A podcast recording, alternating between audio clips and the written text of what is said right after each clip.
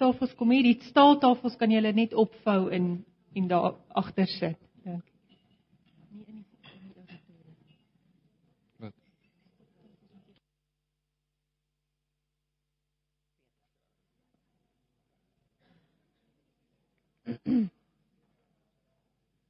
Um Goed, dit lyk my ons is almal terug. Um hierdie sessie gaan 'n bietjie meer dalk bietjie meer prakties wees, veral wanneer Betty opkom, gaan ons oor die baie meer praktiese goed gepraat. En ons het al baie gehoor van die nasies vanoggend, so ons gaan in hierdie sessie ook ons het so die opdrag gehoor, ons moet gaan na die nasies toe. En in hierdie sessie gaan ek net so kort oorsig doen en kyk hoe ver het ons daarin geslaag om by die nasies uit te kom en hoe lyk ons wêreld regtig vandag ten opsigte van die uitdra van die evangelie volgens Handelinge 1 vers 8 Matteus 24 Matteus 18 dat die evangelie na al die nasies moet gaan. So ek dink voordat ons wegtrek om ons bid net weer saam en vra ook dat die Here vir ons in hierdie hier en half wat ons wat ons saam is en fokus op sy groot opdrag dat hy met ons sal wees en ons sal lei.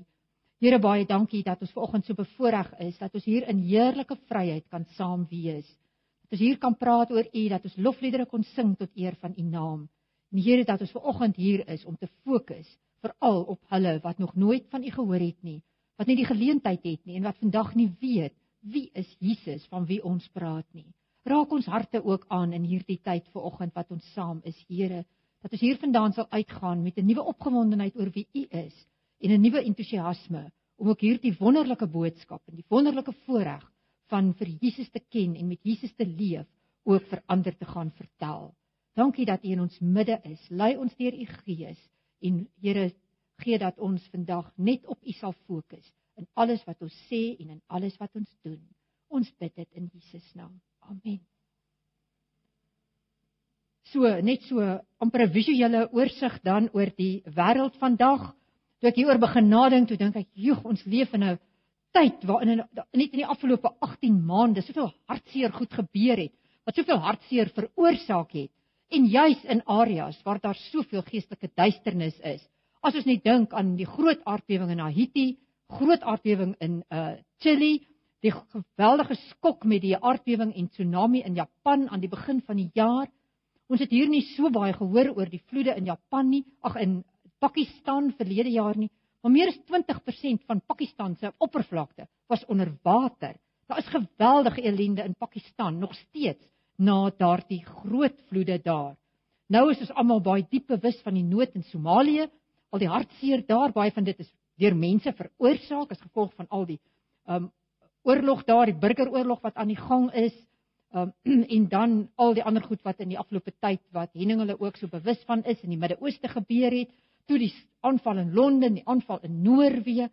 Ons leef in 'n omgekeerde wêreld 'n wêreld waarin daar geweldig baie trane is. Baie baie hartseer. Mense wat Jesus nie ken nie, wat nie hoop het nie en dit terwyl die graf leeg is, terwyl die kruis leeg is, Jesus die volledige oorwinning behaal het. En dit het ons vanoggend gehoor, beide by Henning en by Gerard. Hierdie belangrikheid dat die boodskap is dwars deur die skrif duidelik vir al die nasies. Almal, elke volk met al hulle snaaksighede Jesus verlang dat hulle van hom sal hoor. En dit sê die skrif ook nog verder vir ons in Handelinge 13. Want so lei die Here se opdrag. Ek het u gegee as 'n lig vir die nasies, sodat u verlossing kan bring tot by die uithoeke van die aarde, moet die woord gaan. En dan hierdie belofte in Handelinge 28 dat die Here sê die woord sal na die heidene nasies toe gaan en hulle sal luister. En dis wat ons vandag beleef. Heidene nasies luister. Mense is gefrustreerd met dit wat nog nooit vir hulle bevrediging gebring het nie. Mense luister, luister nou kry Henning geleentheid om vir mense te vertel wat nie vir Jesus ken nie.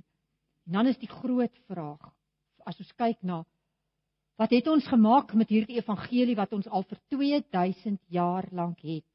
Wat het ons daarmee gemaak? Hoe ver het ons gekom om dit vir amper 7 miljard mense in ons tyd op die aarde te neem? Meer as 16000 volksgroepe, elkeen met sy taal en elkeen met sy kultuur, het hulle almal van Jesus gehoor? Ongelukkig nie. In syfers en statistiek 6600 en meer volke het nog nooit van Jesus gehoor nie. En dan kry ons hierdie twee uiterstes ook onder ons as Christene. Party wat maar net hulle oë toemaak, sit en slaap en vergeet of nog nie eers belangstel in die wêreld daar buite wat nog nooit van Jesus gehoor het nie. Laat hulle verbygaan, dit raak my nie. En daarteenoor kry ons die wat met die ergste inspanning, soos daardie meisie wat swem sonder bene, hulle alles gee om die evangelie te neem na die nasies toe. Volgens die uitdaging maar ook vir ons, waar plaas ek myself? As ons kyk wat doen ons met die evangelie, dan doen ons presies dit. Ons hou die lig waar die lig is. En daar waar die groot donkerte is, stuur ons net 'n klein bietjie sendelinge, want ons sê die nood is hier waar die baie lig is. Daai duisternis is ver. Die statistiek sê die slim mense wat weet hoeveel mense werk waar, sê ongeveer 85% van alle kruiskulturele sendelinge werk daar waar die liggies flits. En daar party mense sê net 5% van sendelinge gaan daar na daardie donker blok toe. Daai donker blok het julle al baie van gehoor. Dit is wat algemeen bekend is as die 1040 venster waar julle sal sien daar in julle leers is ook 'n hele inligtingstuk met baie inligting oor die 1040 venster. Ek gaan net op dit fokus vanoggend vir die feit dat in daai groot blok waar 2/3 van die wêreldbevolking woon, daar kry ons die grootste blok van Hindus, die grootste blok van Boeddhiste, die grootste blok van Islam. Al drie daardie heidene godsdienste het in daardie blok ontstaan omdat Islam uit Saudi-Arabië kom in die Midde-Ooste in die 1040 venster, beide Hindoeïsme en Boeddhisme kom uit die noorde van Indië in die Indusvallei, het dit ontstaan en het het dit hierdie drie godsdienste hulle sentrums in die 1040 venster. Maar vir my is altyd die wonderlike goeie nuus. Jesus het ook in die 1040 venster gewoon. Hy's ook daar gebore. Israel is ook binne in die 1040 venster. So ons goeie nuus is ook van daar vir daar. So kyk hoe dit verder 'n bietjie afbreek. Net dit is die toneel van daardie deel van die wêreld. Daar's godsdienstigheid daar. Dit is ongelukkig 'n bietjie dof. Jy kan nie sien hoe die een ou daar sit en aanbid nie, aanbid ook heidendom, um die groot geestelike duisternis terwyl die lig van die evangelie daar moet ingaan en tog is dit daar. Soos net so 'n bietjie kyk, ons het nie baie blootstelling hier by ons en ons waar ons hier in ons omgewings woon aan hindoeïsme nie. Dit was vir myself 'n baie groot skok die eerste keer toe ek op die eiland van Mauritius gekom het waar wat baie baie sterk hindoe eiland is en ek sien al hierdie mense by al hierdie gode aanbid. Dit is hoe hindoe gode lyk. Dit is die gode waarvoor vir wie hierdie mense neerbuig, vir wie hulle offertjies kom neersit. Hindoeïsme met sy 330 miljoen plus gode, niemand weet regtig hoeveel nie. 950 miljoen mense in ons wêreld, die meeste van hulle natuurlik in Indië, um, in Nepal, Mauritius en ander plekke. By ons, as jy daar buitekant Durban gaan, is daar plekke wat soos Indië lyk, waar jy al hierdie beelde sien waar hierdie mense aanbid. Dit was my indruk toe ek in Indië gekom het. Dit is 'n godsdiens wat 'n volk en sy mense vernietig. Daar is soveel duisternis in Hindoeïsme. As jy kyk waar Hindus leef, dit is ook baie vuil. Jy kan sien hoe hierdie magte van die bose floreer in 'n vuil omgewing. Mense se harte wat verduister is en wat in absolute vrees leef. Waar in Indië die bekende van die koeie wat heilige diere is, hulle aanbid die koeie. Koeie loop in die strate rond, die koeie word beter versorg as hulle eie kinders, want dit is vir hulle 'n heilige dier. So bring hulle die offers. Dis soos hartseer om 'n groot intelligente man te sien staan, sy offertjies te bring voor hierdie gode wat maar net magte van die bose is. Daar's in hulle geen vreugde nie. Daar's in hulle geen vrede nie. Daar's geen liefde en geen rus nie. Soekende wêreld van hindoeïsme. So bad hulle in die Ganges rivier. Um dit is waar hulle glo dat hulle heilig word, dat hulle skoon word deur in daai vuil water van die Ganges rivier te bad in Indië. Daar sterf die mense in die Ganges. Jy gaan deel reguit paradys toe as jy daar by die Ganges sterf. En daar by daai rivier kom verbrand hulle die lyke van afgestorwe mense. Dag vir dag dryf dit in die rivier af. Dis hulle hoop is hulle aanbid Mother Ganges hierdie rivier. Mense in duisternis want hulle ken nie die Here Jesus nie. Net so duister is die wêreld van die boeddiste wat elke dag daai heilige um, gebeds uh drome so swaai want daarin is die gebede wat na die gode toe gaan. sien al hierdie monnike, hoe word gee die mense daar vir hulle almoses. Mense wat uiters toegewyd is, aanhoudend op hulle knieë is en ook voor die Boeddha beelde gaan aanbid. As mense hier na die Bronkhorstspruit tempel toe ook gaan, dit is so ontstellend om te sien hoe dat mense voor daardie groot Boeddha beelde bid. Hoe dat mense daar kom en hulle offertjies bring by daardie tempel. 'n Donker wêreld van toewyding. Jy sien daar die ou tannies daar en ons het dit gesien in 'n in 'n boeddhiste dorpie in Indië. Hoe loop hulle al om daai heilige geboue die hele dag deur met hulle gebedskraletjies. Want deur hulle gebede verdien hulle karma by die gode, goeie guns sodat hulle uit hierdie nie oneindige sirkel van reïnkarnasie kan uitkom en in die ewigheid kan kom. Tibetaanse boeddhisme, Betty kan julle baie meer daarvan vertel waar die mense hierdie prostrasies doen, neerval op die grond, opstaan en weer neerval, kilometers en kilometers na die tempels toe, want so verdien hulle goeie guns by hulle gode. Geen hoop in Jesus Christus nie. Donker duisternis in die in die boeddhiste wêreld. Dis nie hierdie vredige filosofie nie. Dis mense, dis 'n godsdienst wat mense weghou van Jesus. In duisternis leef hulle. Dan kry ons in ons wêreld vandag een van die grootste groeiende dinge is mense dat nie godsdienstig raak, almal raak net uitgekeier vir al hierdie baie ideologieë. Mense raak nie godsdienstig. Steer hulle aan geen godsdiens nie. Geweldig vinnig groei en veral in die westerse wêreld. Ons ken dit in Afrika, geweldige sterk voorvader aanbidding. Um, en dan oral op al die eilande waar mense in tradisionele stamgodsdienste leef, allerhande goed aanbid. Die grond aanbid, die son aanbid, die water aanbid en al die verskillende geeste waarmee hulle te doen het. So baie mense in duisternis, duisternis vasgevang. En dan die grootste blok van heidense godsdienste is die van die Islam. Een uit elke 5 mense vandag buig die knie voor Allah. So kyk hoe waar kry ons die die moslems? Hele Noord-Afrika, Midde-Ooste, as julle daar sien, die groen gedeeltes daar is nasies waar daar 'n meerderheid van moslems is. Baie van hulle is gedwonge daartoe. Um en dan sien julle die geel kolle is waar ongeveer 50% van die bevolking Islam mense is. 23% van die wêreldbevolking vandag op hierdie dag buig miljoene en honderde miljoene van hulle vyf keer voor Allah neer om hulle self aan hom toe te wy. Vir my die hartseer is die kinders van die islamitiese wêreld wat van klein klein af na die madrasas toe gaan, die Koran uit hulle koppe leer en wat ge so geleer word, dit is die enigste antwoord en dit is die ware godsdienst. Hoe gaan hulle van Jesus hoor in al hierdie donker wêrelde? Vandag in Sentraal-Asië, Oud-Russiese blok en al daai stande, dit weer eens soos in die ou jare in die kommunisme in Rusland, is dit in al daai stande wat moslemlande is, totaal en al onwettig om met 'n kind die evangelie te deel. Um net gister het iemand vir my vertel wat siendelinge is in uh in Tajikistan. Hulle het nou wetgewing deur die uh, wetparlement gesit in Tajikistan waar kinders geen godsdienstige byeenkomste mag bywoon behalwe 'n begrafnis nie. 'n Ma mag in haar eie huis nie vir 'n kind die evangelie deel nie. Sy mag hom nie onderrig nie. So.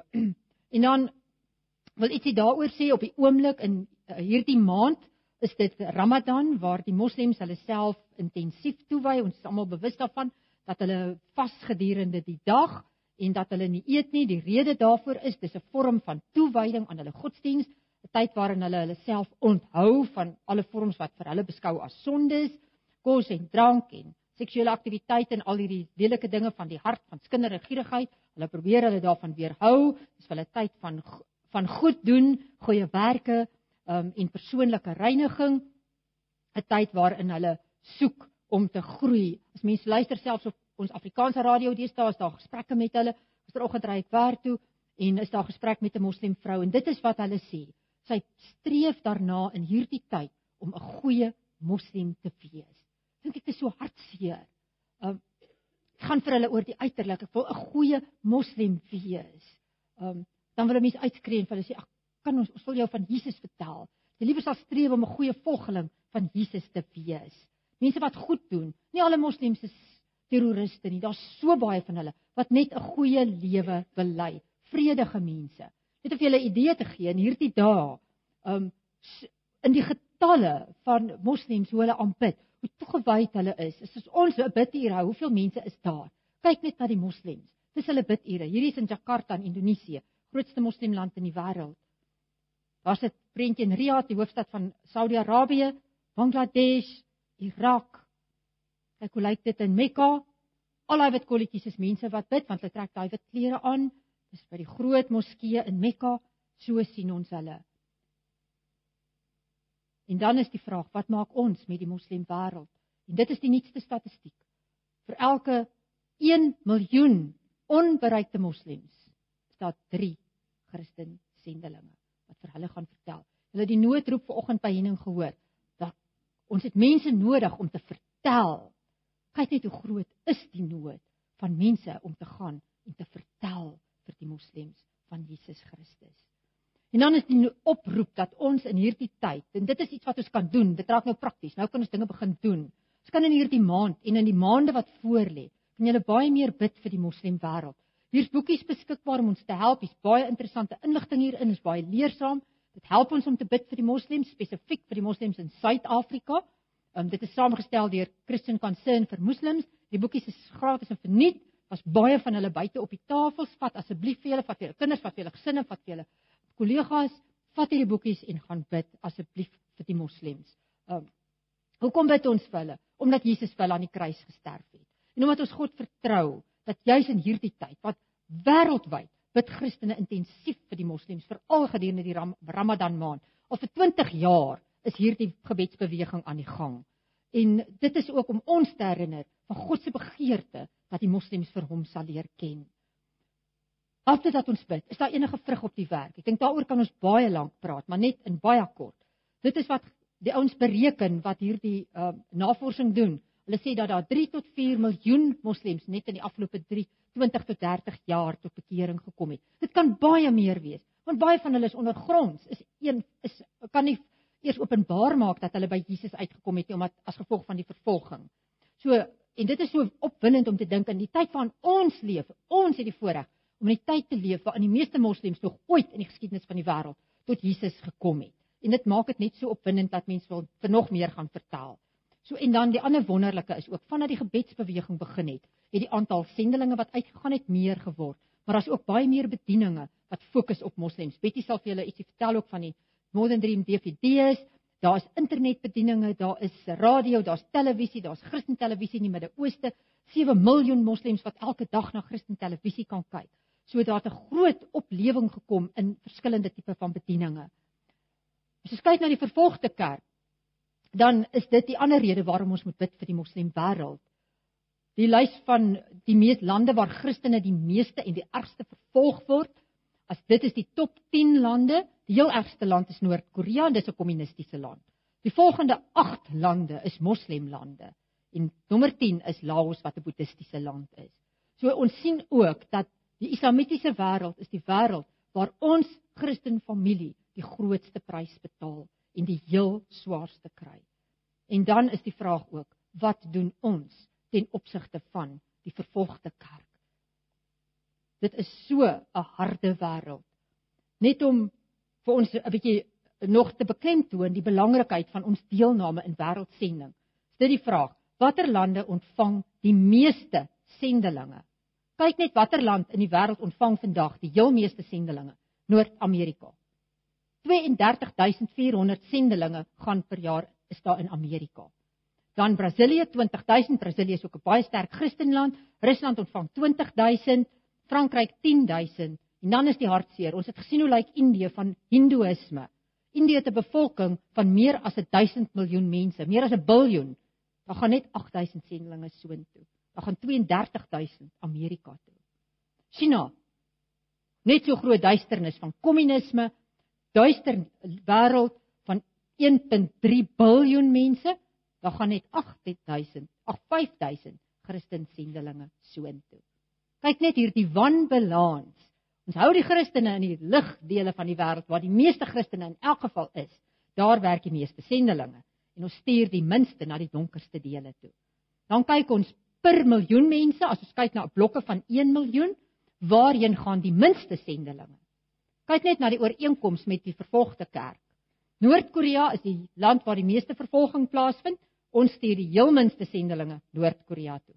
Een sendeling per miljoen mense. Iran is nommer 2 op die lys van vervolging. Ons stuur die tweede minste sendelinge soontoe, 3 per miljoen mense. Dan China, net 4. Saudi-Arabië is nommer 4 op die lys van vervolging. Hy kry ook die 4de minste sendelinge. Somalië is nommer 5 op die lys van vervolging. Hy kry die 7de minste vervolg of hy kry die 5de minste sendelinge. Dis net hierdie groot wanbalans van hoe dat ons sendingwerk doen in hierdie tyd. Per miljoen mense gaan daar 103 sendelinge Amerika toe. Kyk net hoe skokkend is dit. Daar kom 244 Suid-Afrika toe vir elke miljoen mense. En dan is net 'n interessante syfer, baie verkies om liewer Monaco toe te gaan. Hulle ontvang 5000 sendelinge. Ek wonder wat 5000 mense in Monaco is met so klein plekkie. So, ons praat hoor baie die argument in Suid-Afrika, ek meen dis geweldig baie nood in Suid-Afrika, 'n ou wat in Suid-Afrika doodgaan en 'n ou wat in Saudi-Arabië doodgaan. Hulle kom nie by die hemel uit nie, dis dieselfde. Maar wat is die nood? Die ouens in Suid-Afrika het kans om te hoor. Wat is die ouens in Saudi-Arabië se geleentheid om van Jesus te hoor? Hoe lyk dit in Suid-Afrika self? As ons osself vra, hoeveel evangeliese kerke is daar in Suid-Afrika? Wat kan sendingwerk doen? Volgens beginsels wat ons mee saamstem, want ons is evangelies. Suid-Afrika het 40000 evangeliese kerke. Hoeveel sendelinge stuur Suid-Afrika in 'n jaar uit? 8000 uit 40000 gemeentes. Hoeveel sendelinge kom Suid-Afrika toe? Ek het hom spesifiek uitgelaat by analisie. Hulle kan sien hoeveel sendelinge kom Suid-Afrika toe. 12000. So kan ons sê ons het groter nood hier. Ons kan nie meer sendelinge wegstuur nie. Die kom meer Suid-Afrika toe as wat die uit Suid-Afrika uitgaan. Dis 'n bietjie van 'n uitdaging vir ons. Ek wil julle net twee verhale vertel om jy af te sluit van waar kan ons betrokke raak en wat kan ons doen? Daar's baie wat ons kan doen. So, julle gaan bid. Net twee mense se verhaal. Josef Nadarkani het op omtrent 19 jarige ouderdom deur Jesus as sy saligmaker aangeneem, tot bekering gekom, sy lewe aan Jesus toegewy. Hy het groei in geloof en hy het 'n pastoor geword of 'n kerkleier. Hy was vir 10 jaar die leier van 'n huiskyk huiskerk netwerk in Iran. Op 'n dag toe kondig hulle in Iran aan en verniet dat die kinders in die skool almal in die islamitiese geloof onderrig moet word. Toe gaan Josef na die skool toe en hy gaan teken beswaar aan dat sy twee seentjies islamitiese onderrig moet kry. Hulle is Christene volgens die grondwet het hulle die reg om Christene te wees en dat hulle kinders die reg om Christelike opvoeding te kry. Die gevolg van jo Josef se um, optrede omdat hy gaan klaai het, is hy gearresteer. Sy vrou is gearresteer en hulle is albei in die tronk gesit. Sy's na 'n paar maande, etlike 6 of 7 maande, het hulle haar weer vrygelaat. Maar Josef is op hierdie oomblik in Iran steeds in die gevangenis sedert Oktober 2009 en hulle kla hom nou aan vir apostasie. Dit beteken hy het sy rug op Islam gedraai. Dit is 'n strafbaar met die dood in Iran. Josef is 'n pa van twee kinders. Hy het 'n vrou, hy het 'n gemeente. En Josef sit daar in die gevangenis en weet nie op watter dag gaan hulle hom hang nie, want dit is wat sy vonnis is om gehang te word omdat hy weggedraai het van die geloof wat die geloof van sy land is. Daar's baie vertoë gerig, baie Christene het gebid, wêreldwye gebeds uh, pogings gewees rondom Josef vir sy vrylating en op 'n stadium het hulle sy um, sy doodsvonnis so 'n bietjie op sy geskuif. Op hierdie stadium uh, baie sterk weer eens bevestig en al wat Josef hoef te doen om vrygelaat te kan word uit daai tronk is, hy moet sê ek word weer 'n moslim. Solank hy by sy geloof in Jesus staan, is hang die doodsvonnis oor hom en kan hy op enige dag gehang word. Maar ons kan iets doen vir Josef. As julle kan dit neerskryf want dit staan in julle boekies nie. As jy gaan na die webwerf www.prisoneralert.com, kan jy daar vind deur die webwerf vir Josef 'n briefie skryf. Jy sal al die inligting daarop kry. Jy kan ook 'n petisie gaan onderteken vir die Iranese regering om Josef se lewe te spaar deur na daai webwerf toe te gaan www.change.org petitions. Ek het self dat hy webwerf toe gegaan, ek het daai briefie gaan skryf, is baie opwindend. Jy's hulle het sulke farsie, kyk hy praat farsie want hy bly in Iran, so daar's sulke Engelse sinnetjies en dan as jy dit dan die sinnetjie kies, dan vertaal hy direk in farsie en dan is die briefietjie in farsie laat hy dit ook kan lees. Soos jy julle kan net daar gaan kyk, is uh, dit is op daai manier kan ons ook 'n bydrae lewer om so 'n man te bemoedig wat vir dieselfde geloof wat ons vandag hier voorsit onder die doodsvonnis is. Um, en dan ook om uh, vertoe tot die regering terug hierdie goed van hierdie goed werk. Um, daar's al ons het 2 jaar gelede was daar dieselfde storie met twee jong dames wat in Iran ter dood veroordeel was of lewenslank sou tronk in tronk bly want dames bly lewenslank in die tronk en oral was daar petisies en vertoe en ons het gebid en gebid en daai twee is vrygelaat en hulle is vandag buite uit Iran vry en lewendig en hulle kan uh, vandag ook bedien onder hulle eie mense. So, dit is die moeite werd om aan hierdie tipe van vertoë deel te neem. Hierdie goed word bestuur deur ouens soos geopende deure, Voice of the Martyrs en um mense wat regtig op hoë vlak werk vir die ondersteuning van mense in die vervolgde kerk. Net so hartseer verhaal, maar 'n sterk getuienisverhaal, die van Asia Bibi. Hierdie verhaal kom uit Pakistan. Um Asia Bibi is 'n baie eenvoudige vroutjie wat op 'n plaas in Pakistan vir 'n moslimbaas gewerk het saam met baie ander moslim vrouens. Sy en haar gesin is die een van 3 gelowige gesinne in 'n in 'n klein gemeenskap waar daar so 1 en 'n half duisend mense woon. Asia het elke dag saam met die moslim vrouens op daai plaas gewerk. Op 'n dag het sy toe hulle um, vir hulle water gebring het, het sy ook haar beker water in die haar bekertjie in die waterkan gedruk om te drink saam met die ander vrouens en onmiddellik het hulle haar aangeval en gesê daai water is nou vuil, hulle kan dit nie drink nie want sy is 'n heiden. Sy's 'n infidel, sy's nie 'n moslim nie. Daarom het sy nou die water besoedel. Toe dan nou hele gesprek rondom godsdiens ontstaan, soos wat al baie kere gebeur het dat hulle almal vir haar probeer ompraat om 'n moslim te word en sy staan eenvoudig soos sy is vas in haar geloof in Jesus. Nou ja, groot gesprek en allerlei goed en sy het op die ouend vir hulle gesê, Jesus is die ware profeet, wat het julle profeet vir julle gedoen? Onmiddellik het laag gegryp, verskriklik geslaan en julle storie en by die polisie gaan aanmeld en Asia Bibi is in die tronk gesit. En sy is ook ter dood veroordeel omdat sy na eenvoud opgestaan het vir haar geloof in Jesus Christus. Asia Bibi se testee sedert Junie 2009 in 'n baie verskriklike tronk in Pakistan. Sy is 'n ma van kinders. Sy uh die hele ding in Pakistan gaan ook oor hierdie godslasterlike godslasteringswet wat hulle in Pakistan het. As jy enigiets teen Islam sê dan word jy onder hierdie wet veroordeel en die goewerneur van die provinsie waarin Asia Bibi en haar familie woon en waar sy veroordeel is, die man wat die goewerneur is, het opgestaan vir haar saak teen hierdie baie slegte blasphemy law in Pakistan en hy's koelbloedig doodgeskiet. Die enigste Christen in die in die uh, parlement van Pakistan, minister van minderheidsake, minister of minority affairs, sterk Christen, hy het opgestaan vir haar saak, hy het opgestaan teen hierdie wet en gesê hierdie wet in Pakistan word absoluut misbruik. Hy's koelbloedig in die straat doodgeskiet. So dis die prys wat mense betaal vir geloof in Christus Jesus. En ook vir Asia Bibi kan ons ook 'n bydrae lewer. Jy kan na daai webwerf toe gaan www.callformercy.com en daar kan jy ook 'n petisie teken. Ek het gaan kyk op daai petisie, hulle um probeer om soveel as moontlik handtekeninge vir daai petisie te kry. Ek nou die dag gaan kyk, was daar so net oor die 200 000 handtekeninge vir daai petisie. En 150 000 van daai handtekeninge kom uit Pakistan en uit die res van die wêreld net 50 000. Daar was so iets oor die 400 Suid-Afrikaners wat dit al geteken het. So ek wil julle aanmoedig vandag dat ons ook 'n bydrae lewer en net daai eenvoudig, jy kan in jou kantoor gaan sit, in jou huis gaan sit, net op jou rekenaar, ietsiekie gaan doen wat dalk die verskil tussen lewe en dood kan maak vir hierdie mense wat so 'n hoë prys vir hulle geloof betaal. Daar's baie ander, maar hierdie is net twee verhale wat my persoonlik verskriklik in die hart gegryp het. Ek bid self amper elke dag vir al twee hierdie mense, kom al 'n lang pad. Ek volg Asia se storie al van lankal af. Ehm um, julle sal haar inligting op geopende deure se webwerf kry by Voice of the Martyrs by uh, verskillende ander ook, um sal julle die inligting kry. Kom ons doen iets ook daar na buite toe.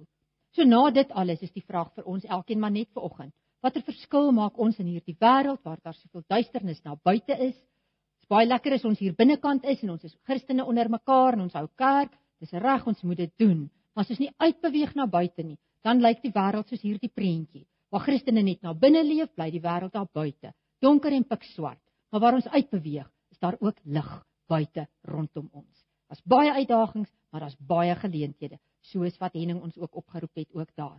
So kom ons raak betrokke. Kom ons wees die wat ander help om te oorleef en ons leem hoop, geloof en liefde na 'n honger en 'n donker wêreld daar buitekant wat dit so verskriklik nodig het. En ons het die goeie nuus vir die wêreld daar buite. So kom ons leef dit uit. Um en ons o, skus, daar gaan ons nou af. Nou weet ek nie om dit weer terug te kry nie. Um so net 'n laaste woord. Dit is soveel soos wat ek wil sê. Betty gaan met julle verder gesels. Um maar mag hierdie vir ons regtig in die hart gryp om te besef ons is so ver van die voltooiing van die groot opdrag dat al die nasies van Jesus sal hoor want daar's nog meer as 6000 nasies wat nie gehoor het nie. En baie van daai 6000 nasies se mense bly hier in Suid-Afrika, hier rondom ons. Ons kan baie van die werk hier doen. So almal wat nie op 'n vliegtuig klim en elders heen gaan nie, kan hier werk want hulle is hier tussen ons. Um en ons kan hulle hier bereik op 'n ander manier. Um net nog 'n laaste dingetjie hier is Julle sal sien julle het baie van hierdie boeke daar buite op die tafels. Dis deur Barnabas van beskikbaar gemaak. Dis 'n baie goeie inleidende boek oor Islam wat vir jou al die basiese goed leer. Dis maklik geskryf, dis lekker om te lees. Wel, dit maklik om te lees. Hierdie boeke is verniet. So jy kan al die boeke vat wat daar buitekant lê en gaan lees dit gerus dat ons almal so die regtig die basiese goed van Islam ken en verstaan dat ons kan weet hoe om met die mense te praat met wie ons te doen kry. Dis lekker as 'n studieboek geskryf is op goeie papier, is mooi gedruk. So neem hulle asseblief. Um die boeke moet uitgaan. Dit het nie waarde as dit in 'n boekrak of onder 'n tafel lê nie. So neem asseblief vir julle soveel as wat julle wil hê van hierdie boeke. Hulle kan almal uitgaan vandag. So. Ek dink dit is soveel soos wat ek te sê het, Betty. Um dis 'n groot vreugde vir die wat nog nie so betrokke is nie. Raak betrokke. Dis God se plan, dis God se doel. Uh en dit is 'n reuse voorreg. Um Ek dink ons sal nog verder praat seker deur die oggend oor hoe kan mens betrokke wees. Um ek hoop dit gee vir julle 'n bietjie van 'n idee van die gewig in die Bybel oor die tema. Um dis dis dis baie baie kosbaar, is baie duidelik eintlik. Right. Jakobus, dit's about it van my af.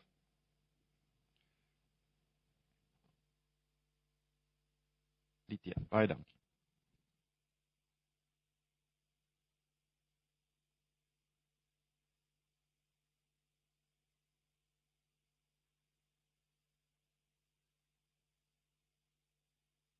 Enterprise Development.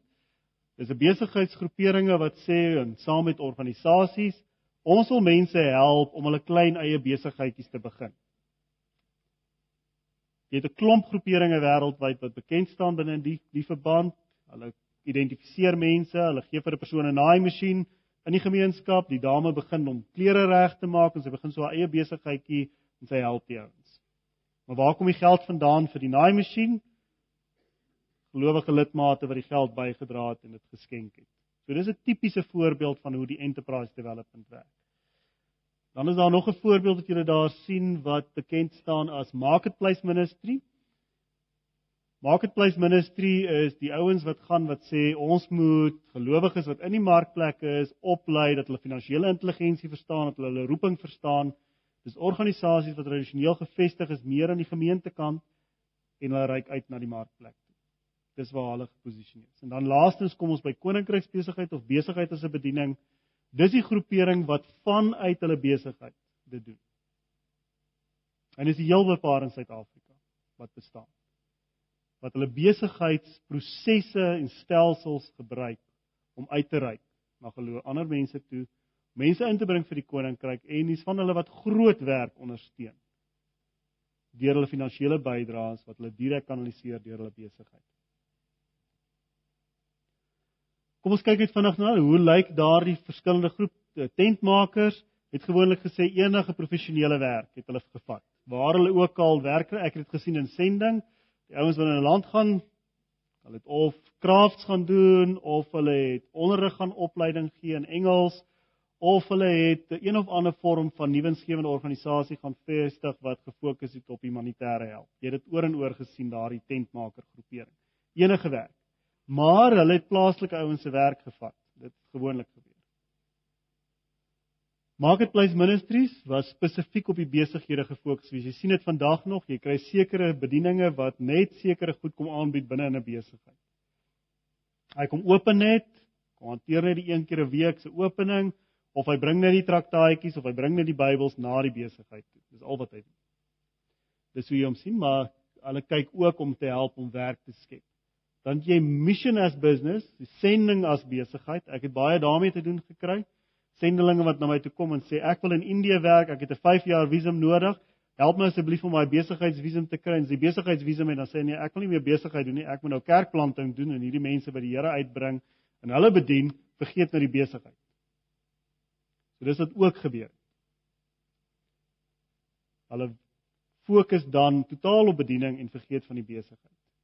En dan het jy besigheid as sending waar jy die besigheidsmeganismes gebruik, kruiskultureel en jy reik uit deur die besigheid en die kerkplanting vind plaas in die besigheid. Dis hoe hy werk. En dis die ouens wat die werk skep. Markplek, ek sê altyd vir ouens, daar's verskillende fasette, daar's nie net een faset nie. Wat ek in Suid-Afrika gesien het is dat uh, ons lei dokters op en die eerste ding wat hy gaan doen is hy nie by 'n hospitaal werk nie, is hy gaan open 'n praktyk. Dan vra ek vir hom, "Het jy besigheidsopleiding gekry?" Want ek het jare terug het ek vir die ontvanger gewerk, so ek het die ouens geoudit, so ek het geweet hoe lyk hulle boeke. En dan kom ek agter maar hy het nie geweet hoe om besigheid te doen.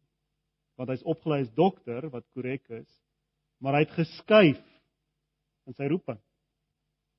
Hy doen ook dokter, maar sy primêre verantwoordelikheid is besigheid. Want op die einde van die maand moet hy sy werknemers betaal, hy moet sy krediteure betaal. Hy moet sy debiteure invorder en hy moet seker maak dat sy kantore en goed nog in stand is en bedryf word. Nou wat is dit anders as 'n besigheid?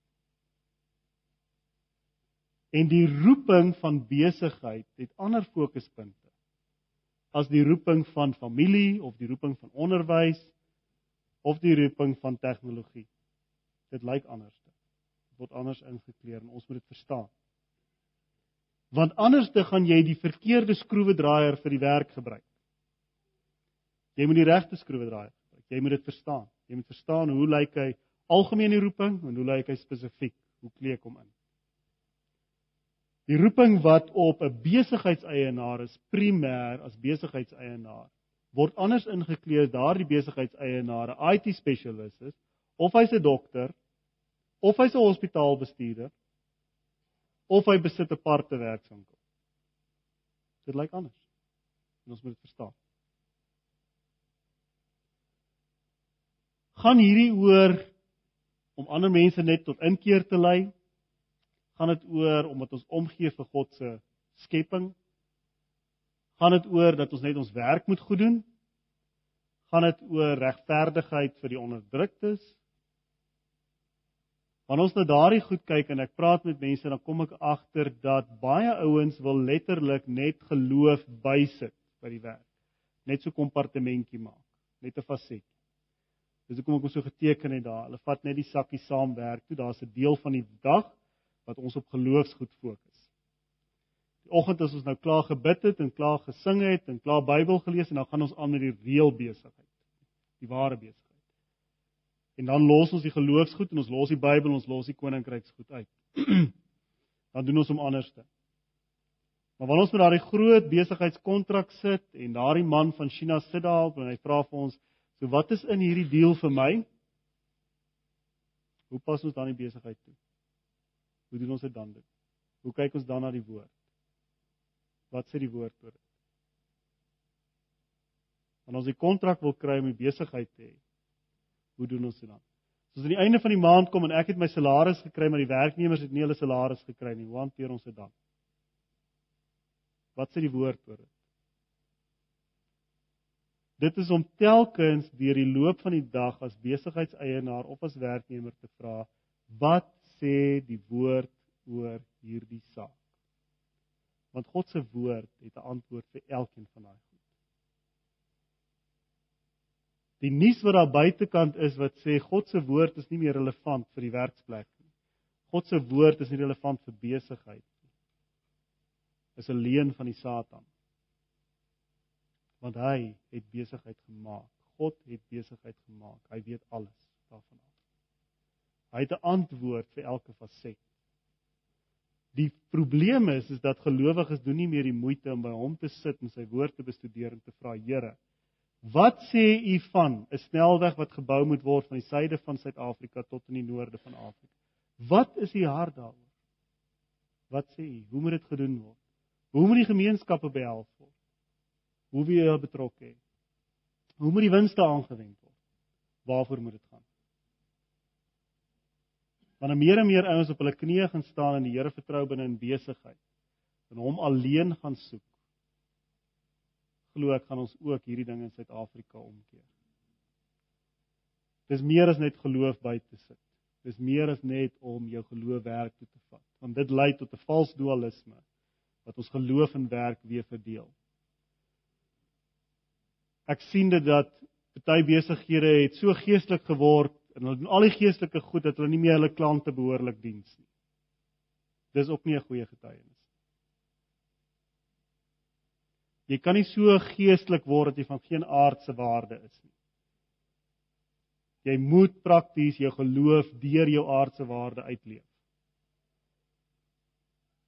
Daardie vals dualisme veroorsaak dat markpleinbediening 'n sneuwel. Ek sien dit ook dat die geloof is baie keer net die eienaars. Dit kom nie op die grondvlak uit by die gewone werknemers nie, want hulle sê ek kan nie dit volg en dit doen en dit sê wat hierdie ou doen en sê nie. Want kyk wat doen hy op hierdie goed. Daar ontstaan vra, maar dit vind nie impak nie.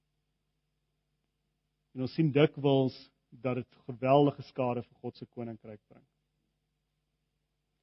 Die eenvoudige beginsel as hy nie Here van alles in jou lewe is nie, dan kan hy nie Here van jou lewe wees nie. As ek met besigheidsouens werk in disippelskap en coaching, dan dink hulle ons gaan begin met daai besigheidsdeal wat nie wil deurhaak nie en wat sê die Here rondom dit? En weet julle waar eindig ons?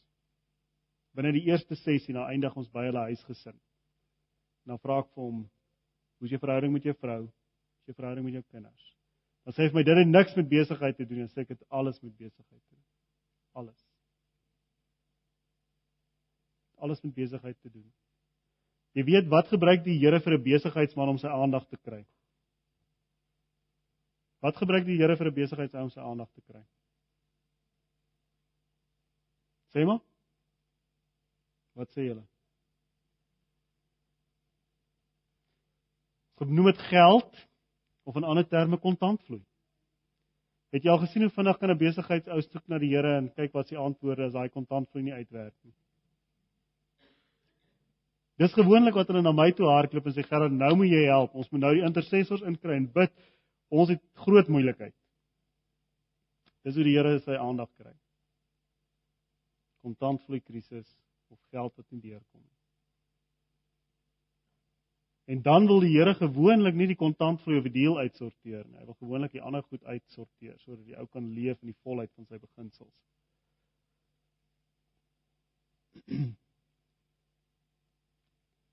Hoe gaan ons werk, gemeenskap, mense transformeer? As ons dit net gaan bysit. Dis nie soos melk wat jy in die koffie gooi en jy roer hom net in en nou is jou koffie reg nie. Dit moet die fondasie word van alles waaruit jy kyk. So of jy nou 'n werknemer is in besigheid en of jy 'n besigheidseienaar is. As God se woord, God se koninkryk, God se beginsels nie die fondasie is nie. Dan moet jy regtig gaan stil staan en sê Here, hoe doen ons dit? En ek sê hierdie goed vir sendelinge ook wat gaan na die nasies toe. Dit bly God se woord. Punt. Jy moet elke keer daai vraag gaan vra. Want jy moet daai moeilike kliënt sit wat nie betaal nie. Want jy moet die krediteur sit wat oor terme moet onderhandel. Want jy oor skuld moet sit. Want jy oor bemarking moet sit. Want jy oor die besigheidsplan moet sit of die koninkryksplan, dan moet jy vra Here, wat sê u woord vir ons vir hierdie omstandigheid? Hoe gaan ons dit doen? Jou werk is aanbidding. Ek het net dit vir jou gesê. Jare terug het ek met ouens uit Suid-Korea te doen gehad, besigheidsouens. Hulle het altyd so mooi aangetrek, ske wit hemde, swart dasse, swart baadjies en swart broeke en swart skoene. Jy sien hulle altyd so in besigheid. Toe ontdek ek dat daardie gelowiges in besigheid het twee stelle van daai klere. Swart das, wit hemp, swart baadjie, swart broek, swart skoene. En vir hulle het een of ander tyd in hulle blootstelling aan die evangelie het hulle geleer dat besigheid is vuil en dis wêrelds en dit kan niks met die koninkryk van God te doen hê. So hulle het letterlik twee stelle klere wat so in die kas hang. Hierdie klere is vir wanneer ons kerk toe gaan of by kerklike aktiwiteite betrokke is. En hierdie klere is wanneer ons na die werk toe gaan. Want die koninkryk van God het niks met die werk te doen. Kan jy sien hoe diep was daai dualisme gewees? Hulle dit fisies in hulle klere drag gereflekteer. Daar's eie tydse voorbeelde in Suid-Afrika wat dit ook so werk. Wat ons gelowiges het wat in besigheid is. En die oomblik wat jy met hom begin praat oor sy besigheid, dan sê hy maar dit het niks met God te doen of niks met die koninkryk te doen.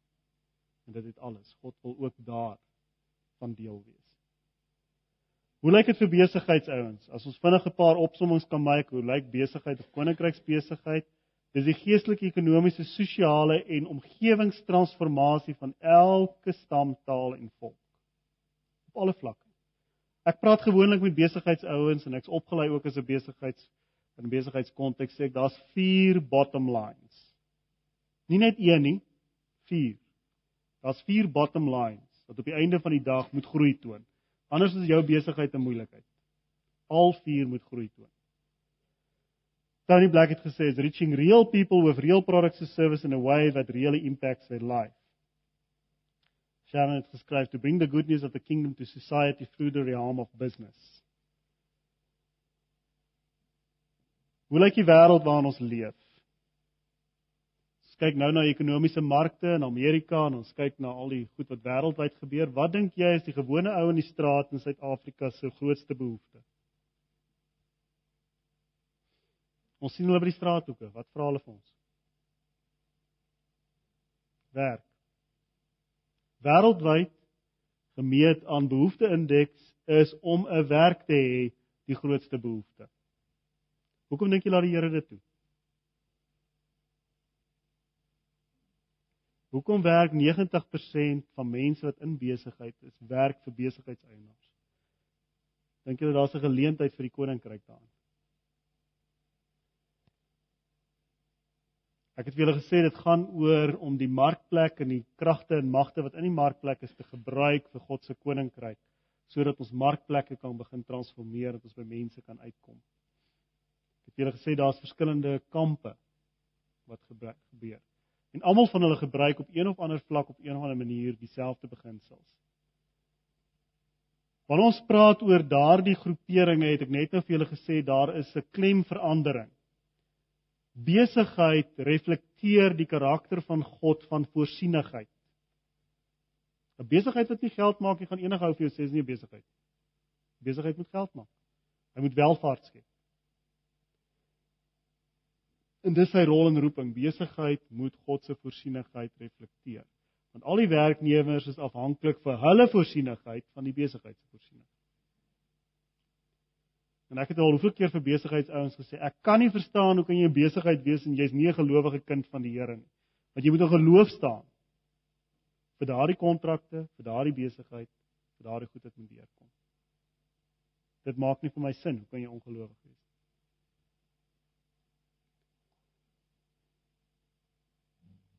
As jy gaan kyk na die wêreldbevolking, dan gaan jy agterkom dat 50% net so oor 3.5 miljard mense leef op minder as 2 dollar 'n dag. Hoeveel geld is dit? R14, R15? 3.5 miljard mense wêreldwyd leef met minder as 2 dollar 15 rand 'n dag. Dan is die vraag is daar genoeg in die wêreld? Ja, daar is genoeg. Ons kyk hoe ons vermors. Ons kyk wat ons doen. Daar is daar genoeg. Nou gaan jy vra vir my vra maar hoe is dit moontlik en hoekom doen gelowiges dit nie? As jy gaan kyk na die fisiese markte en die geld wat in gelowiges se hande is en jy gaan doen daardie sommetjie en jy gaan kyk na besighede, jy kyk na aandelemarkte en jy vra jou die vraag, hoeveel van die geld wat elke dag sirkuleer is in die hand van gelowiges se hande? dan is die skrikkende gevolgtrekking, die skokkende gevolgtrekking dat 60 tot 70% van die geld wat elke dag sirkuleer in die hande van gelowiges. Waar is die probleem? Ek dink dit is omdat die woord nie gebruik word en God nie gesoek word in daardie transaksies te vra Here, hoe gaan ons dit gebruik vir die koninkryk? Daar's 'n oop deur vir besigheid. Dis oral so. Dis vir my verstommend in Afrika. Jy weet, ons sien die ekonomiese groei van Amerika, Europa wat besig is om negatief te gaan. Hulle is bekommerd op 'n tweede resessie. In Afrika groei. Ek was verstom geweest om te sien hoe bou hulle paaie, hoe bou hulle huise, hoe bou hulle fabrieke, hoe rig hulle myne goed op in Afrika. En dis ook reg so.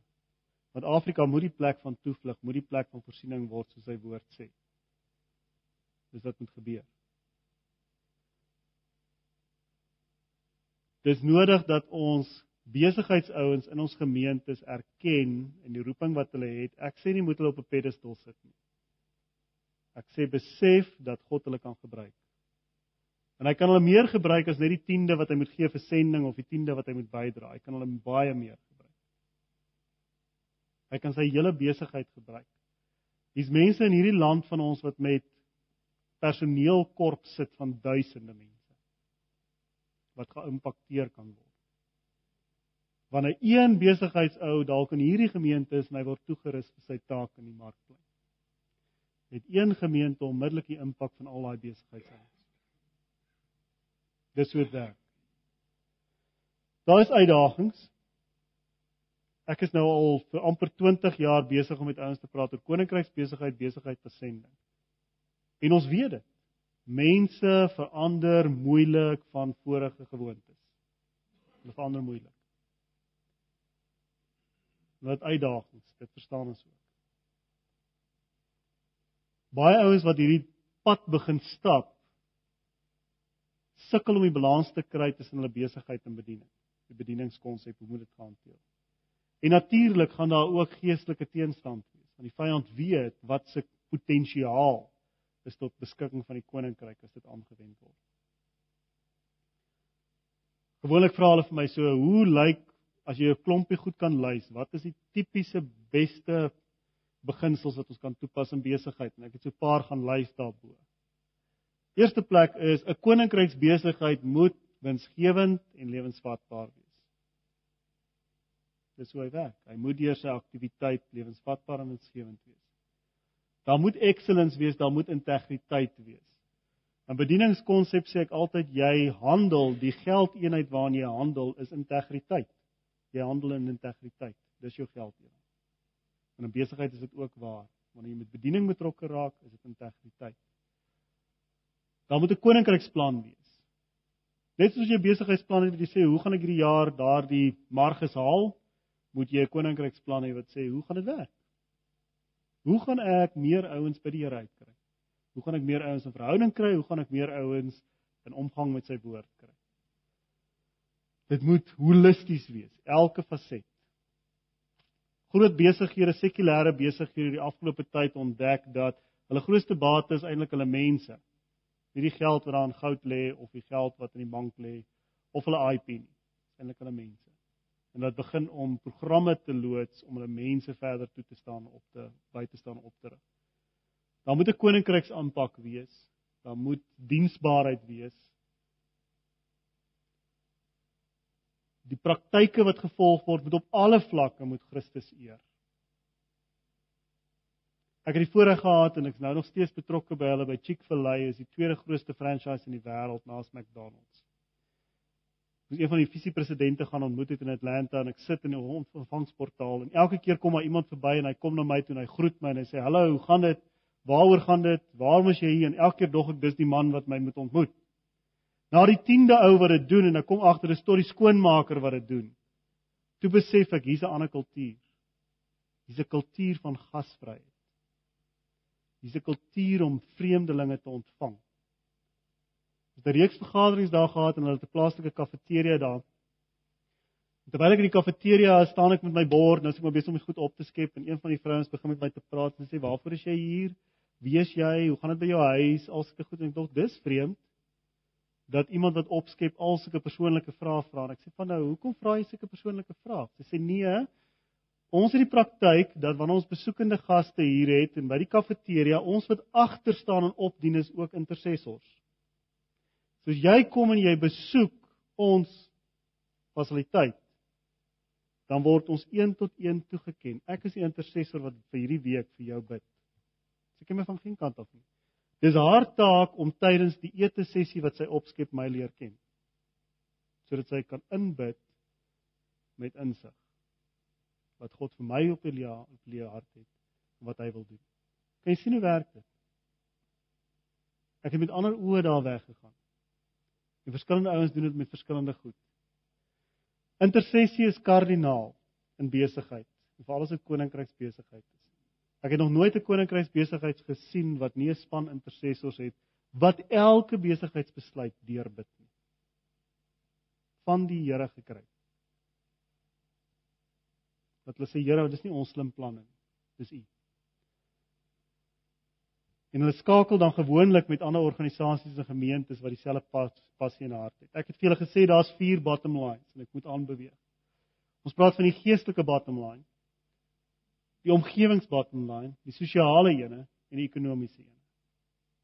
Almal moet daar wees. Dit help veel jy's besig om 'n produk of diens te verkoop wat die omgewing skade doen. Dit kan verseker nie in lyn wees met God se woord nie.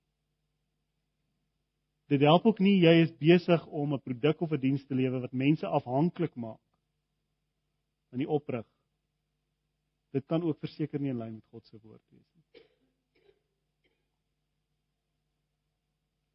Hoe lyk daardie diensbaarheid gestalte? Die diensbaarheid gestalte gaan daaroor dat ons weer begin om die ou rol wat ons so uitgeken het vir ander ouens om disippels te maak en gedink het dit is net die sendelinge Dis net die predikante, dis net die geestelike werkers verantwoordelikheid om disippels te maak. Dat ons besef maar die taak om disippels te maak is elkeen van ons se taak. Elkeen.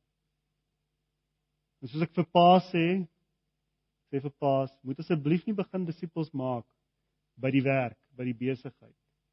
As jou kind nie die Here ken nie, dit begin by die huis. You have to walk it. Los maar liewerste daardie koninkryksplan by die besigheid vir nog 'n jaar en begin by jou gesin. Begin by jou gesin.